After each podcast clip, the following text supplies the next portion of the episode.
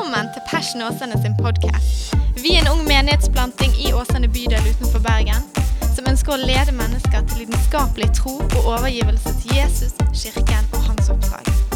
Takk for at du lytter til vår podkast, og vi håper du blir oppmuntret og utfordret i din etterfølgelse av Jesus. Jeg har det store privilegiet å få lov til å tale til dere her i Kristkirken denne søndagen her, og du tenkte liksom knallbra, men det er enda bedre nyheter neste søndag òg. Så vi skal ha to søndager etter hverandre der jeg får privilegiet av å snakke under tittel 'Frykt ikke'. Eller som vi sier på bergensk 'Frykt ikke'. Frykt ikke.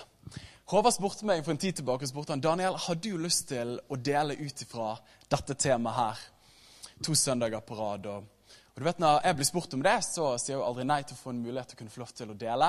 Men mer enn at bare dette er et tema som er kjekt å snakke om, så tror jeg at dette er noe som angår oss alle. Og Håvard sa til meg Daniel, kan ikke du ta og dele litt fra ditt liv og din vandring? Og jeg tror at vi alle mennesker møter på ulike utfordringer og, og kamper i løpet av livene våre. Og for min del det er ikke sånn at du alltid kan velge de kampene som du møter i livet. Men for min del så opplever jeg at frykt har nok vært den største utfordringen i mitt liv. Og jeg husker Fra jeg var liten, så er jeg eh, født i 1992. Og helt fra jeg var liten så har jeg hatt en forholdsvis kreativ og skapende fantasi. Eh, og det er jo fantastisk. vet Du Du kan gjøre mye bra med det, men du kan òg gjøre mye skummelt med det. Så helt fra jeg var liten husker jeg å ha båret med meg, hatt ulike sesonger der jeg kjente at frykt grep hjertet mitt. Og sesonger der det var urolige tanker som innvirket på livet mitt, og kanskje irrasjonelle frykter. Det kan være at det er flere som kjenner seg igjen i det. Men når jeg ble eldre, så tenkte jeg i tenårene at nå kommer jeg til å, å vokse av meg frykt. Det er greit at når du er barn, så kjenner du på det, men når du blir eldre, da forsvinner det. Men i løpet av tenårene så tok gjerne frykten en annen form. Men jeg opplevde fortsatt det å møte på frykt på ulike områder av livet. Og Ettersom årene gikk i tenårene og ungdomsskole og videregående, så begynner man å stille seg spørsmålet hva er det som er galt med meg? Hva er det med mitt liv som gjør at jeg er så mye annerledes enn alle andre? Det virker som alle vennene mine og de som jeg henger med, at de liksom bare går gjennom livet, og det er bare superlike. Liksom. Det er bare great, liksom. Men jeg opplever å tenke ting og scenarioer som jeg kjenner at hjertet mitt griper meg med frykt. Hva er gale med meg? Og så de siste årene, kanskje de siste fire-fem årene, så opplever jeg det å få lov til å ta noen veldig spennende og smertefulle skritt. Og kunne få lov til å komme inn i en større fred og en frihet som jeg alltid har lengtet etter. Så det blir litt sånn preg av eget vitnesbyrd, eh, men òg en fortelling av noen av de nøklene som jeg opplever at Gud har betrodd meg i min vandring. Og om du har kjempet mye med frykt, eller lite med frykt, så tror jeg at vi alle har det til felles at frykt er noe som innvirker på livet vårt, hvis vi er ærlige. ikke sant? Og Det kan være at du sier Daniel, jeg har aldri kjempet med frykt, men jeg har slitt utrolig mye med sinne. liksom. Og da tror jeg egentlig dypest sett at ofte sånn som sinne, sjalusi, misunnelse, tungsinn, ofte er former for frykt. ikke sant? Og Du opplevde at du blir redd ute og reiser til Syden med familien. Og så blir du litt redd, og så blir du ekstra sint på de rundt deg. kort i kommentaren, liksom. Jeg er bare litt sint. Nei, egentlig er du litt redd. Så dette, jeg tror at vi alle møter på frykt i ulike fasetter. Og der kjenner jeg privilegiet å kunne få lov til å dykke litt inn i akkurat det.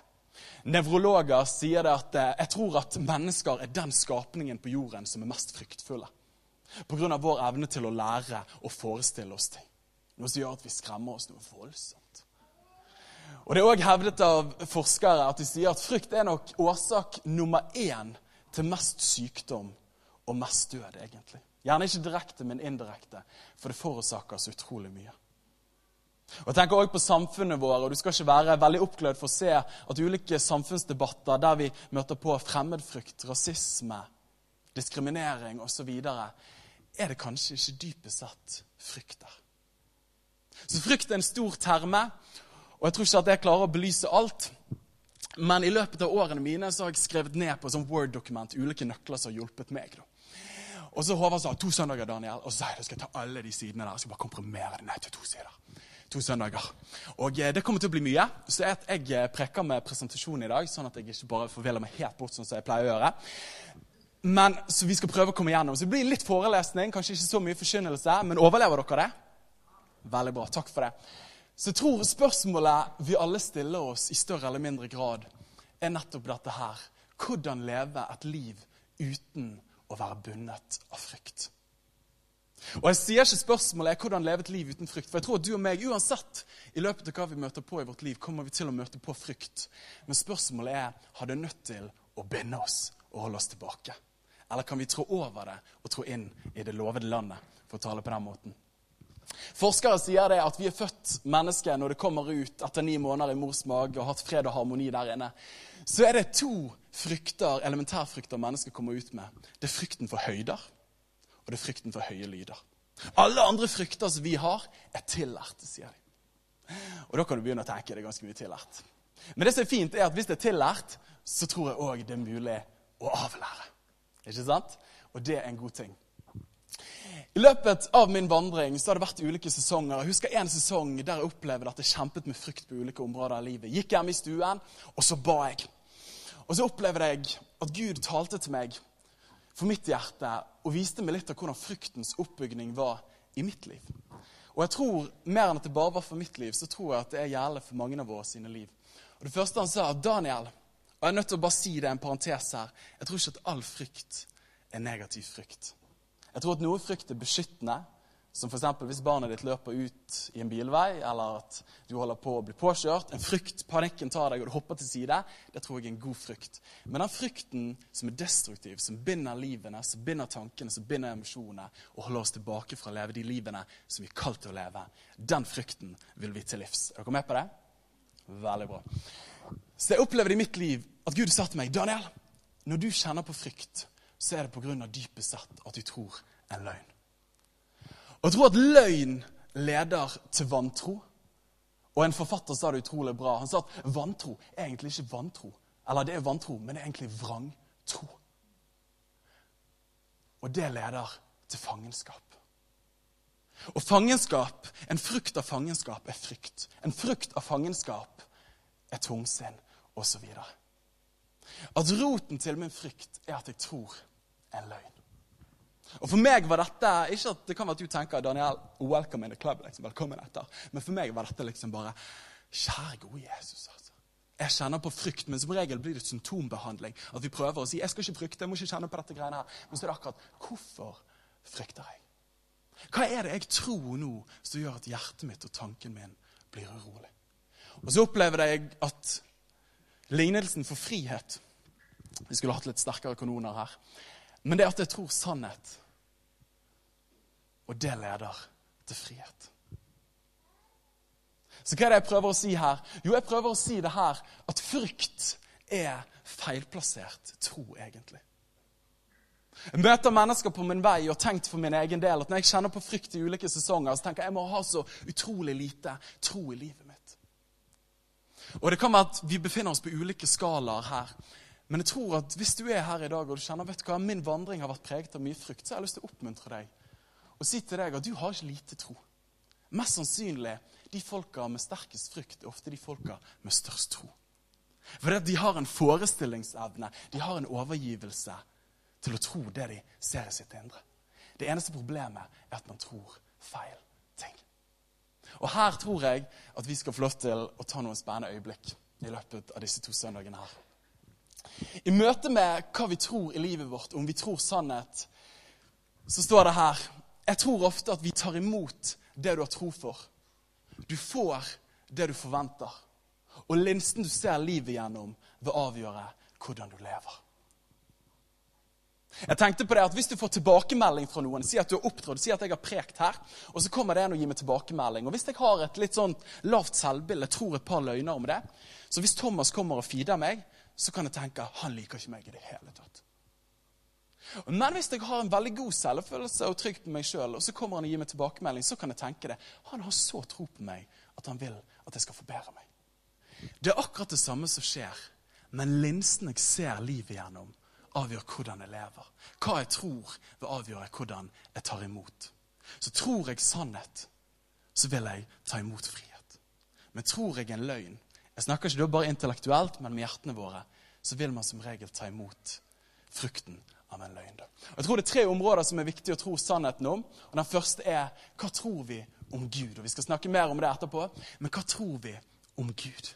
Tror vi sannheten om Gud eller ikke? Det andre punktet er tror du sannheten om deg selv. Hva tror du om deg sjøl? Og det tredje funnet for mitt liv er hva tror jeg om min framtid? Jeg tror at dette er tre dimensjoner som vi trenger å tro det som er sant for å leve et liv i frihet. Og I løpet av denne gudstjenesten her, så har jeg lyst til å snakke under den første dimensjonen der, nemlig Gud. Jeg har lyst til å snakke om det. Tror vi sannheten om Han? Jeg har lyst til å snakke også om det åndelige aspektet ved frykt. Jeg tror at det er et åndelig aspekt og jeg tror at det er et menneskelig aspekt ved å erfare frykt. Og jeg tror at vi mennesker henger sammen av ånd, sjel og kropp. Og Denne søndagen så har jeg lyst til å berøre det som går på vårt åndsliv. Vår ånd. Og neste gang har jeg lyst til å snakke om vår sjel og vår kropp. Hvordan bekjempe frykt og leve i frihet i alle tre dimensjoner. Så da går vi løs. Jeg skal prøve å snakke litt fort. her, vet du. Det er så mye bra. altså. Så Hvis du har lyst på notatene etterpå, kom og få det. Jeg kommer til å gå fort. Gå inn og hør podkasten. It's gonna be great. All right. Ok. Fryktens åndelige aspekt. Jeg vet ikke med deg, men jeg eh, når jeg tuner inn på forkynnelse fra andre deler av verden, f.eks. Afrika eller Asia, så snakker de veldig åndelig. Kan dere være med på det? liksom, At everything is a devil. liksom, sant? Og så liksom, you just gotta believe God, it's supernatural, and it's power and it's overflow. Så you name it, sant? Og så kommer vi til Norge, og så har vi, vi er jo mer sånn terapeutisk forkynnelse. sant? Ja, Hvis du føler at du opplever noe sånt, vet du, så er det mest sannsynlig et barndomstraume som ligger der. vet du, og Du skal få lov til å håndtere, det, og så skal nåden få lov til å finne deg. vet du, sant? Så er det at vi, vi tar ofte og menneskeliggjør ting, og så er det akkurat som vi glemmer den spirituelle dimensjonen. Men her tror jeg at vi kan falle i en fare av å kjempe feil fiende i møte med frykt og undertrykkelse i livene våre. Bibelen er veldig tydelig. I Peter sier det, han sier at for deres motstander, djevel, går omkring som en brølende løve og søker noen han kan oppsluke. Newsflash vi har en motstander. Og han går rundt og søker å oppsluke livene våre. Og Det er ikke bare en fin filosofisk tanke som taler om ondskap i verden et eller annet sted.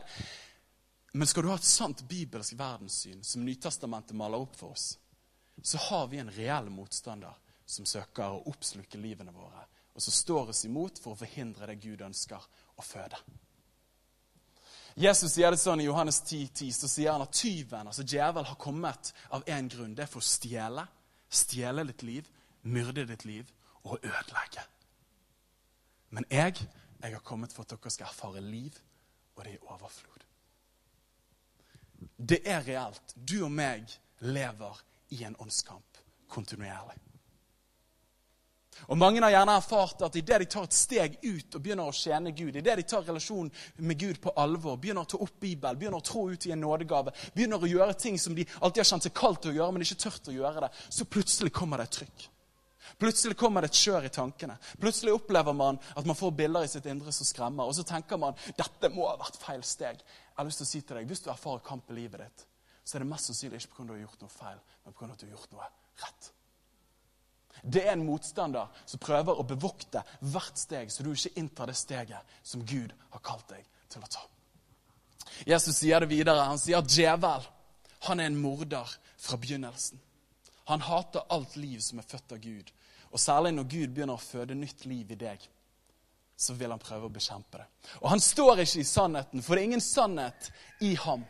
Når han taler løgn, taler han ut fra sitt eget, for han er en løgner og løgns far. Ser du begynnelsen der? Han er en morder. Og så står det videre han taler løgn. Jeg tror at den fremste måten vår motstander prøver å drepe vårt liv på, drepe din glede, drepe din tro, drepe din frimodighet, er ved å fortelle deg løgner.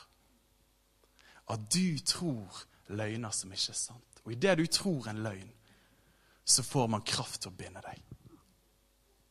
Efeserbrevet taler videre i sjette kapittelet der og sier at djevel angriper oss med brennende piler. Hva betyr egentlig det? Jo, jeg tror at kampen står i sinnet. Kampen er ikke sinnet, men måten du vet at du er i en kamp på, er at du har tanker som ikke er dine tanker, og tanker som ikke stemmer med Guds ord. Og de kan oppleves som brennende piler. Og jeg vil tro her, Hadde jeg sittet meg ned ved hver av dere, så kunne jeg sikkert spurt dere har noen gang opplevd at du gikk gjennom livet, var i en situasjon, og det var fredfullt og fint, men så plutselig kom det en tanke som bare slo deg helt ut av ditt element. Er det noen som opplevde det tidligere? Sånn, der kommer det noen brennende piler. Og husker for min del i sjette klasse hadde levd et stille og rolig liv til jeg gikk i sjette klasse. Det var kumbaya, liksom. Det var barne-TV, og det var mors middag. Og så i sjette klasse en søndags ettermiddag så husker jeg at det kom en tanke som bare akkurat som smatt seg forbi rustningen min. Og så satte det en sånn fryktbølge i meg som jaget meg i flere år. Det er en brennende pil. Og Du har sikkert opplevd det på samme måte. Og Efeserbrevet 2 sier det sånn at vår motstander er herre over luftens makt. Og jeg tror at måten djevel angriper sitt folk på, måten du vet at du er i en kamp og den åndelige dimensjonen av frykt, er at du får tanker i ditt sinn som skremmer deg, som gjerne kan være grusomme bilder av du gjør noe mot noen du er glad i, eller helt skrekkbilder og tanker som setter deg ut. Og det er en av de fremste brennende piler på at du er en kamp. Vi har en motstander. Men en av de største nøklene for meg har vært nettopp dette her. At alle tankene i ditt sinn er ikke dine tanker. For hør på dette her, da. Den perfekte planen til fienden er at du går gjennom livet, og så lever du fint. Og så kommer han med en anklage. Og så sier han f.eks.: Si at eh, at jeg eh, har en venn, og så opplever jeg at plutselig når jeg er sammen med den vennen, så får jeg plutselig et bilde inni at eh, Daniel, kanskje du skal prøve å frata den personen den goden. Kanskje du skal prøve å ta æren fra den personen. Et dårlig eksempel, altså. Sånn er det å være improforkynner. Men, men si at, at, du skal forlege den personen forned, altså på en eller annen måte. Og så kjenner du at den tanken kommer. Og så plutselig kommer det noen etterpå og sier han, 'Hvordan kan du tenke noe sånt?' Og det som skjer da, er at blikket vendes innover. Og så tenker jeg, 'Hvordan kan jeg tenke noe sånt som det?' Tenker jeg sånt? Kom dette fra meg? Og så mister man sin frimodighet, for man tror at det kommer fra seg sjøl. Og så mister man sin kraft til å reise seg opp og si 'Det er ikke sant for mitt liv'. Men pga. at vi ofte ikke er åndelig orientert, så tror vi at alle tanker som kommer, er mine tanker. Men det er en verdenssyn som ikke stemmer med Bibels verdenssyn. Og Den store friheten for meg, en av de store nøklene i min vandring i møte med frykt og angst, var den dagen jeg forsto at alle tanker som jeg har, er ikke mine tanker. Og at de tankene Og jeg er ikke mine tanker, men jeg er de tankene som jeg velger å gi sannhetsverdi. Og dette her, folkens, det kan være at Hvis du ikke tror, så bare tenker du hva er det disse folka tror på. Men dette er en av de store frigjørende nøklene livet med Gud. At vi, Hvis ikke vi gjenkjenner vår motstander, så vil vi ende opp med å bli krigsofre, for vi kjemper mot oss sjøl. Og når du kjemper mot deg sjøl, så kan du aldri vinne. En fantastisk historie som har hjulpet meg mye i dette, her, er Chris Valleton, en av hovedpastorene i Bethel Church. Han opplevde det i begynnelsen av 20-årene å få et nervøst sammenbrudd. Og opplevde at han skulle reise seg opp fra badekaret, skriver han i denne boken her en kveld. Og plutselig når han reiser seg opp fra badekaret, så får han en tanke, en sånn brennepil som skyter inn og sier at du kommer til å dø. Og Det som skjedde da, det var at han ble slengt ut i tre og et halvt år med konstant panikk og angst. Han sier det sjøl i boken og i forkynnelse at han skalv kontinuerlig. Og at han våknet flere ganger om natten og fikk knapt sove. Og konen måtte skifte sengetøy flere ganger om netten, nettene pga. at han svettet så mye. Han var klaustrofobisk, han klarte ikke å være sammen med venner. Han klarte ikke å prosessere tanker. Frykt grep livet hans. Og En natt han ikke fikk sove, så la han seg etter tre og et halvt år inntil radioen i stuen for å ikke vekke familien. Og Der begynte han å skjune inn på ulike radiokanaler. Og Så kom han inn på en kristen kanal. da.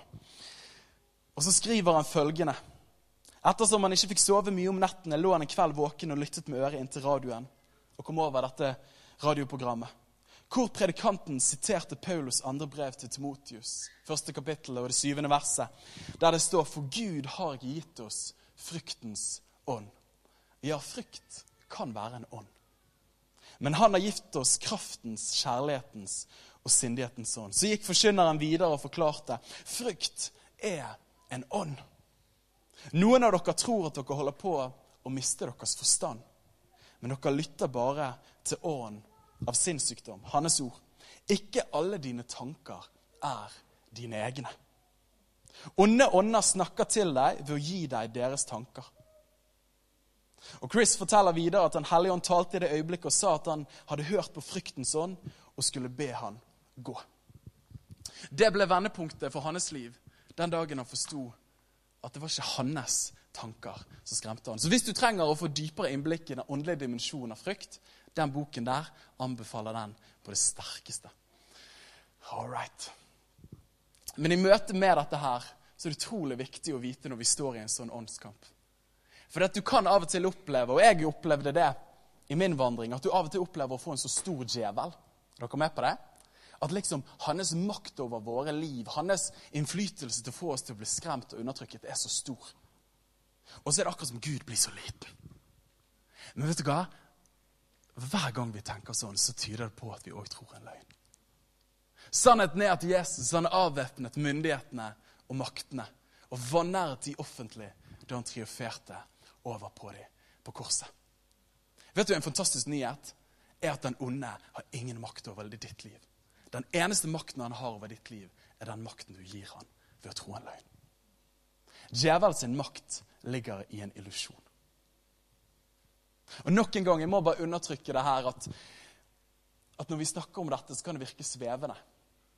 Og det kan virke veldig spirituelt. Men dette er det verdenssynet som Det nye testamentet maler opp for oss. Vi lever i en kamp, og vi må gjenkjenne vår fiende. Men så har jeg lyst til å gå over og snakke om sannheten om Gud. Jeg tror at måten vi ser Gud på, vil avgjøre om vi erfarer frihet i livene våre.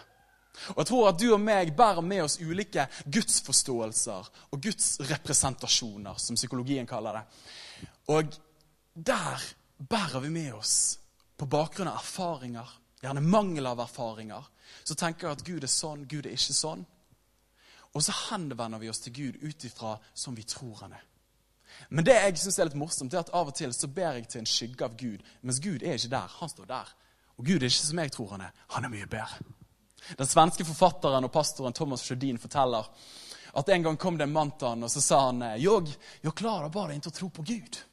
Og så sa han ah, kan du berette meg litt om denne guden her. Og så begynte han å legge ut om at denne guden var så krevende. Han var så sint. Han ville ha så mye fra han. Han klarte bare ikke å tro på han. Og så sier Thomas de ordene som er så frigjørende. Og så sier han, vet du hva? Denne guden tror ikke jeg på heller. Og jeg syns det er så sterkt. For jeg tror mange av oss har en gudsforståelse som Gud egentlig ikke bor i. Og hva vi tror om Han, vil avgjøre hva vi tar imot av Han. Du vil streve så lenge du tror at Gud krever ting av deg. Men den dagen du ser at han er full av nåde og sannhet, og han aksepterer deg som du er, så vil du falle til ro. Og Det tenker jeg i møte med frykt òg. Har du en forståelse av at Gud ønsker du skal leve i frihet, så vil du ta imot frihet når han vil gi det. Den kjente helbredelsesevangelisten FF Bosworth sier det sånn at faith begins where the will of God is known. Tro begynner når der Guds vilje er kjent. Vi trenger derfor å vite hvem Gud er, og hva han ønsker for livene våre. Og Hva er vel bedre å starte med Jesus' sin proklamasjonstale? Jesus kommer i Lukas 4, og så kommer han til jorden. og han, Jesus er den perfekte åpenbaringen av hvem Gud er.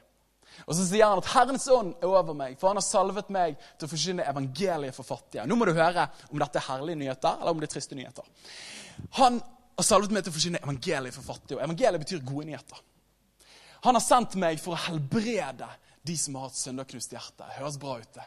Han har sendt for å rope ut frihet for fanger. Og for at blinde skal få syn igjen, og for å sette undertrykte i frihet og for å rope ut et nådens år fra Herre. Jesus henspeiler her til 3. Mosebok 25, der det sto at hvert 50. år så skulle slaver bli frigjort, og de skulle få tilbake sin eiendom. Og de skulle få lov til å innta sin frihet igjen. Og I Bibelen så er tallet fem tallet for nåde. Og hvert 50. år, nådens år. Jesus kommer og roper ut et nådens år. Er du klar over det? At nådens år ikke bare ett år, men nådens år er hele tiden.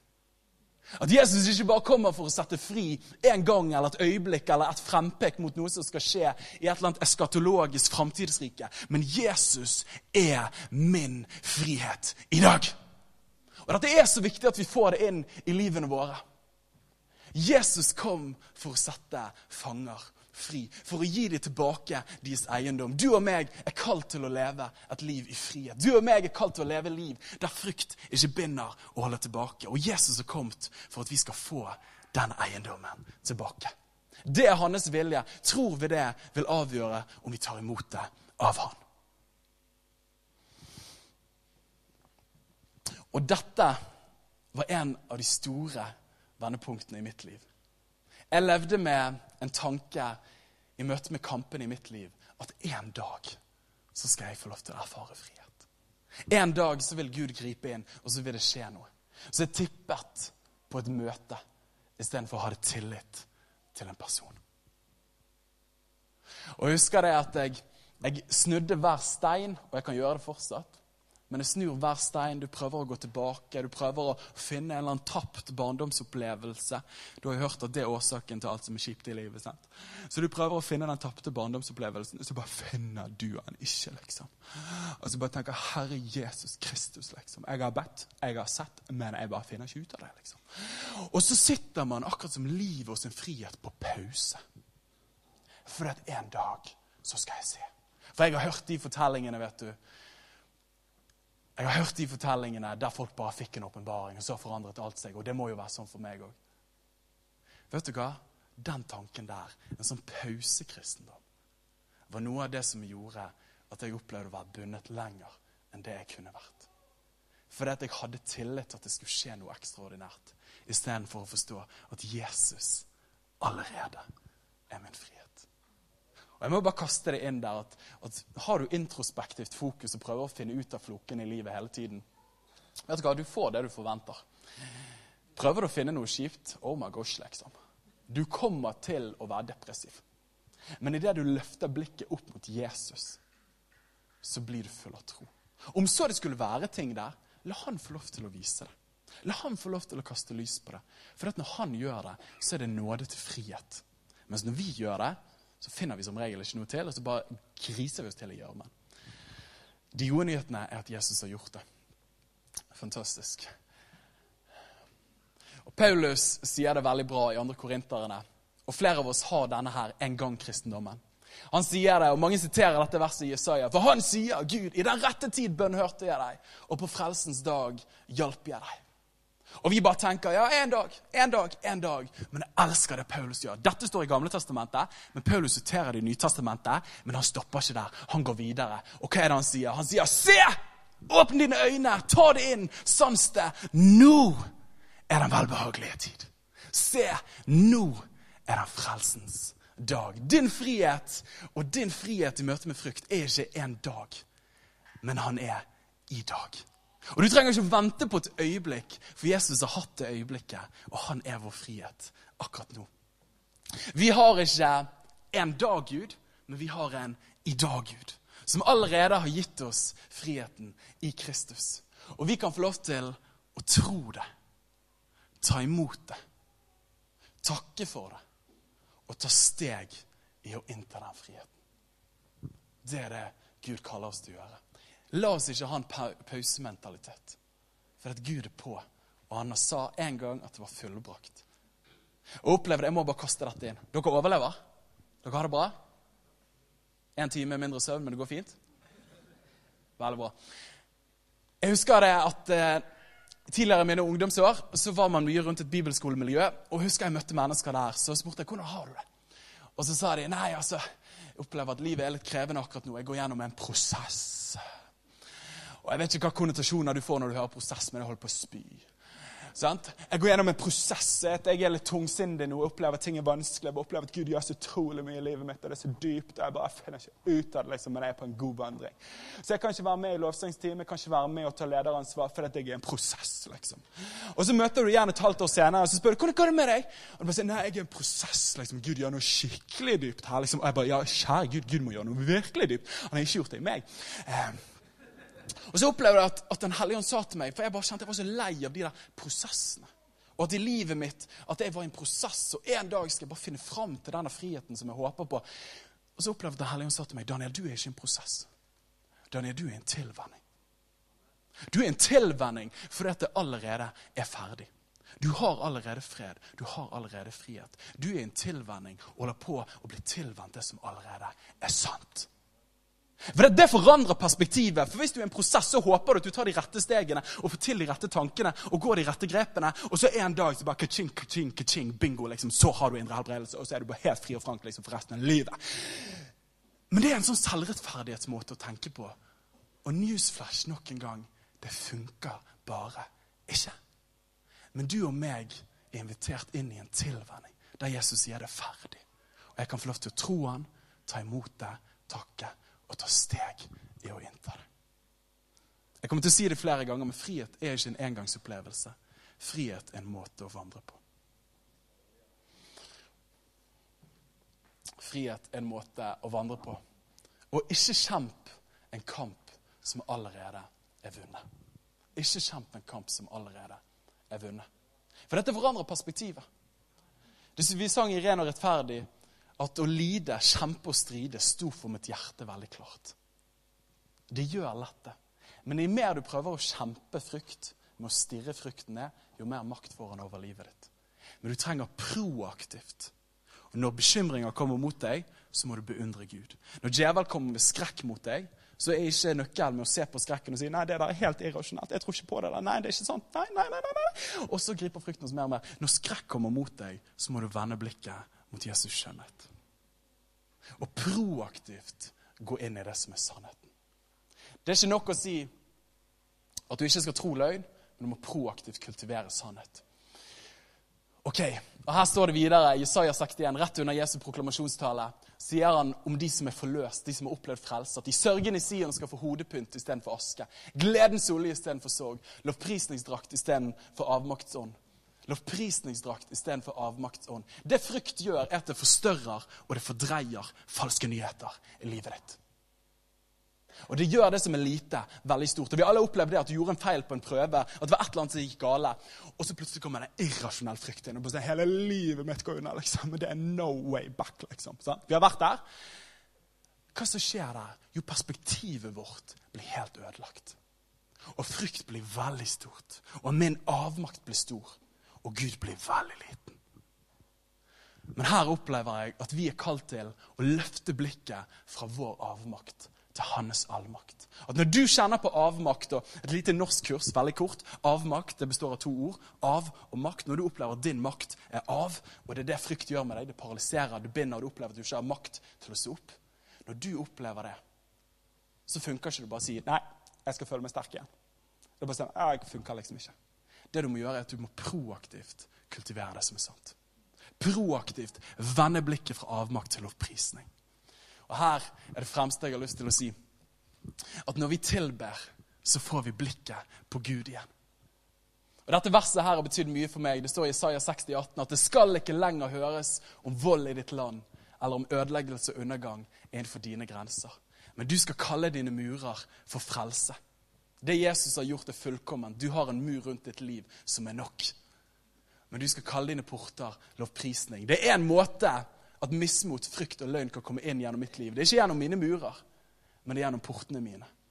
Og portene mine er der jeg ser, der jeg gir oppmerksomhet. Gir jeg oppmerksomhet til løgn, så kommer mismot inn, så kommer frykt inn. Men hvis jeg proaktivt lukker portene mine ved å tilbe Gud, så begynner fred å kultiveres i livet mitt. Worship wins the war, opplevde jeg å få. En nøkkel for meg var tilbedelse vinner krigen du står i, for det gjør noe med ditt fokus. Rekalibrer perspektivet ditt på hvem Gud er. Og Store norske leksikon sier det veldig fint. De sier det sånn Kalibrering sier at sammenligning av et instrument mot en normal eller et annet instrument som er mer nøyaktig. Og jeg lover deg en ting. Når jeg kjenner på frykt og opplever skremmende situasjoner, så er ikke det veldig nøyaktig det som finner sted på innsiden. sant?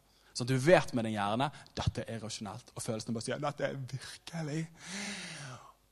Og Da trenger vi å rekalibrere oss. Da trenger vi igjen å finne det som er sannheten, sånn at vårt indre landskap er overens med det som er sant. Vi må rekalibrere oss. Bibelen kaller det å fornye vårt sinn. Og En av de fremste måtene vi gjør det på Nå kommer jeg med seks enkle nøkler som har hjulpet meg, og som jeg tror kan få lov til å bli oppmuntring for dere. Hvordan få Gud i perspektiv. Det første jeg har nevnt, er lovsang og tilbedelse. Det engelske ordet for å tilbe som brukes gjerne, er 'magnify'. Har dere hørt det tidligere? Let's magnify God. Og eh, Du har jo forstørrelsesglass, og det betyr jo 'magnifying glass'. Og det er derav det ordet der. Så det de sier, er egentlig 'la oss forstørre Gud'. Var det pga. Gud hadde blitt liten? Nei, det var jo ikke det. Rett var. Det var pga. at Gud lett blir liten i våre liv. At når frykt kommer, så fordreier de og forstørrer falske nyheter. Så det virker overveldende, og det virker stort.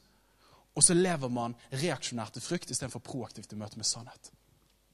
Hva gjør man da? Da trenger jeg å magnify. Jeg trenger å gjøre Gud stor igjen i livet mitt. Jeg trenger å tilbe Han. Jeg trenger å si Gud, du er stor. Herre, du er verdig. Ditt ord står fast, Herre. Herre, du sier 'frykt ikke'. Jeg tilber deg. Og jo mer jeg gjør det, jo mer lukker jeg portene til livet mitt. Og jo mer kommer han i rett perspektiv. Og når han kommer i perspektiv, så svinner frykten hen. Andre jeg har lyst til å løfte opp, er takksigelse. Jeg sier det for mitt eget liv, så sier jeg at takknemlighet er troens næring. Takknemlighet er troens næring i livene våre. Sliter du med tro? Sliter du at, eh, at du er full av mismot? Begynn å se på det Gud har gjort så begynner du å kjenne at troen stiger i ditt indre. Det tredje er Guds ord. Ingenting slår Guds ord. Ingenting slår løftene i Hans ord. Noe av det som har vært min største hjelp, og, og folkene rundt meg i de kampene de har stått i, har vært Guds ord. At du tar løftene fra ordet, og så står du på det, og så bekjenner du det, og så ber du for det, og så takker du for det, og så bare inntar du det. Det tredje er vitnesbyrd. Hva har Gud gjort for deg tidligere? Mene fra Gud i fortiden minner deg i nåtiden og gir deg frimodighet for framtiden. I Salme 78 så står det sånn at Eufraims krigere Det står at de var mektige bueskyttere, men de flyktet på stridens dag. De glemte hans gjerninger og hans under, som han hadde latt dem se. Hvis du glemmer det Gud har gjort, så er det lett for at man ikke har frimodighet for framtiden. Det Gud har gjort i noen andre sitt liv, det vil han gjøre i ditt liv. Det tredje som står her, det var mørkt her, det er forkynnelse. Troen kommer av forkynnelse. Romerne 10, 17. Det du eksponerer deg for, vil determinere den troen du har i livet ditt. Er du rundt mennesker som er full av mismot og full av frykt, så kommer du til å kjenne på det.